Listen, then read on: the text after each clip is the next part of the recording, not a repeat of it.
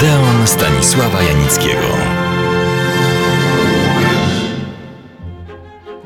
Znany jest nie tylko wiernym słuchaczom Odeonu spór między, jak to się dziś mówi, komercją i sztuką, często z udziałem decydentów. Pozwalam sobie tylko przypomnieć, że ów fundamentalny spór trwa już od wieków i nie dotyczy bynajmniej jedynie kina, filmu, ogólnie rzecz biorąc dziesiątej muzy. Inne muzy też borykały się z owym smutnym i trudnym dylematem. Czy Szekspir nie miał tych problemów? W jego przypadku w grę weszła jeszcze władza, potężna władza, a mógł się przecież przypodobać. A genialny Van Gogh to wiódł spokojne i dostatnie życie, na miarę swego niezwykłego talentu, a przechodząc na filmowe podwórko, nieporównywalni Erich von Strochem czy Orson Welles mogli swobodnie rozwijać w Hollywoodzie swoje wizje i talenty? Ten karkołomny, bo trudny do rozwiązania dylemat dotyka i dotykał również naszego polskiego kina. Tak naprawdę od chwili narodzin tego cudownego wynalazku 120 lat temu. Uwaga, w tym roku obchodzimy kolejną rocznicę, a tak niedawno była setna. Zawsze, uogólniając oczywiście, byli, są i będą ci, którym bardziej zależy na pieniądzach, na interesie, na zarobku i ci, którym bardziej na sercu leży to, co powszechnie nazywamy sztuką, a więc dzieła ambitne, podejmujące poważne, codzienne i nadzwyczajne problemy, posługujący się nietuzinkowym językiem, chcący widza nie tylko przykuć do ekranu, co jest zresztą wielce chwalebne, w sposób prosty, łatwy i przyjemny, ale go też czymś niebanalnym zainteresować, skłonić do uruchomienia komórek i przypomnieć, że istnieje również coś takiego jak serce, cokolwiek by to miało znaczyć. A teraz do rzeczy. Mówiąc schematycznie, w filmie pieniędzmi zajmować się powinni wyłącznie producenci, zaś artyści sztuką. Tak to ustalono ale tak się nie zawsze dzieje, bo producenci, choćby hollywoodzcy, dyktowali, kto ma zagrać główne role i jak ma przebiegać akcja na ekranie i praca na filmowym planie w plenerach czy w atelier. Niektórzy artyści, jak to artyści, za nic mieli reżimy produkcyjne i finansowe. Geniusz kina, wspomniany już Erich von Stroheim, czekał tydzień, żeby ptaki przeleciały w odpowiednim, zgodnym ze scenariuszem kierunku.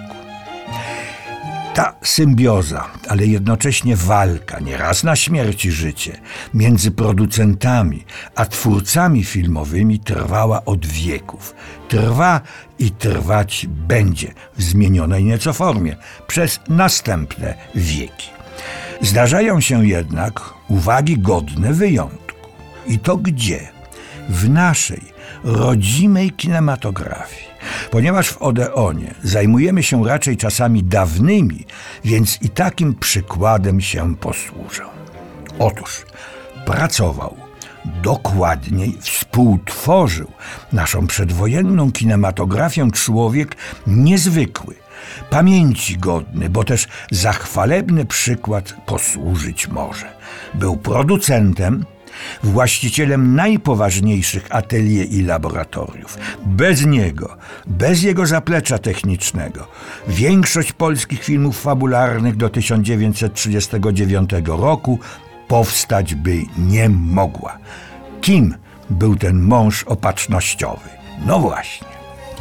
Nazywał się Stefan Denkierowski. Urodził w 1893 roku w Warszawie. Wzięty w jasyr przez polską dziesiątą muzę. Przeszedł wszystkie szczeble w przemyśle filmowym.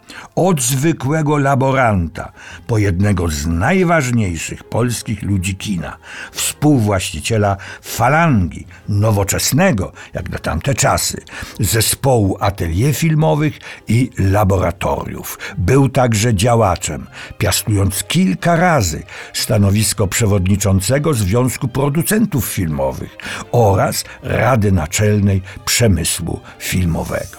A jak się taka błyskotliwa, ale okupiona ciężką pracą i niezwykłym uporem czy konsekwencją kariera zaczęła? Od tej pory nie będę opowiadał, ale cytował, ponieważ zachowały się autentyczne wspomnienia Stefana Denkierowskiego, spisane przez syna, a następnie opracowane w Filmotece Narodowej. To dokument na wagę złota. Czytamy w nim. Szeregi pracowników dziesiątej muzy wstąpiłem w 1916 roku. Dziesiąta muza była wtedy jeszcze bardzo młoda, właściwie niemowlątkiem. Jeżeli przyjmiemy, że narodziła się w 1895 roku, kiedy to bracia Lumière opatentowali swój wynalazek, aparat do zdjęć filmowych i aparat do projekcji, to w 1916 roku liczyła 21 lat, a ja, pisze Stefan Denkierowski, 23. Odpowiedni wiek do małżeństwa. Było to małżeństwo trwałe i spełniło moje nadzieje, jakie w tym związku pokładałem. Moja ziemska małżonka często mi wypominała, że za wiele czasu poświęcam tej muzie. Nazwałem ją niemowlęciem, ale niemowlę to w 1916 roku dobrze już wierzgało nóżkami, również w Warszawie. Gdy rozpoczynałem pracę w wytwórni filmowej Sphinx, jej szef, pan Aleksander Herz, już od dobrych paru lat kręcił filmy. A co się działo później, opowiem Państwu w następnym Odeonie. Zapraszam.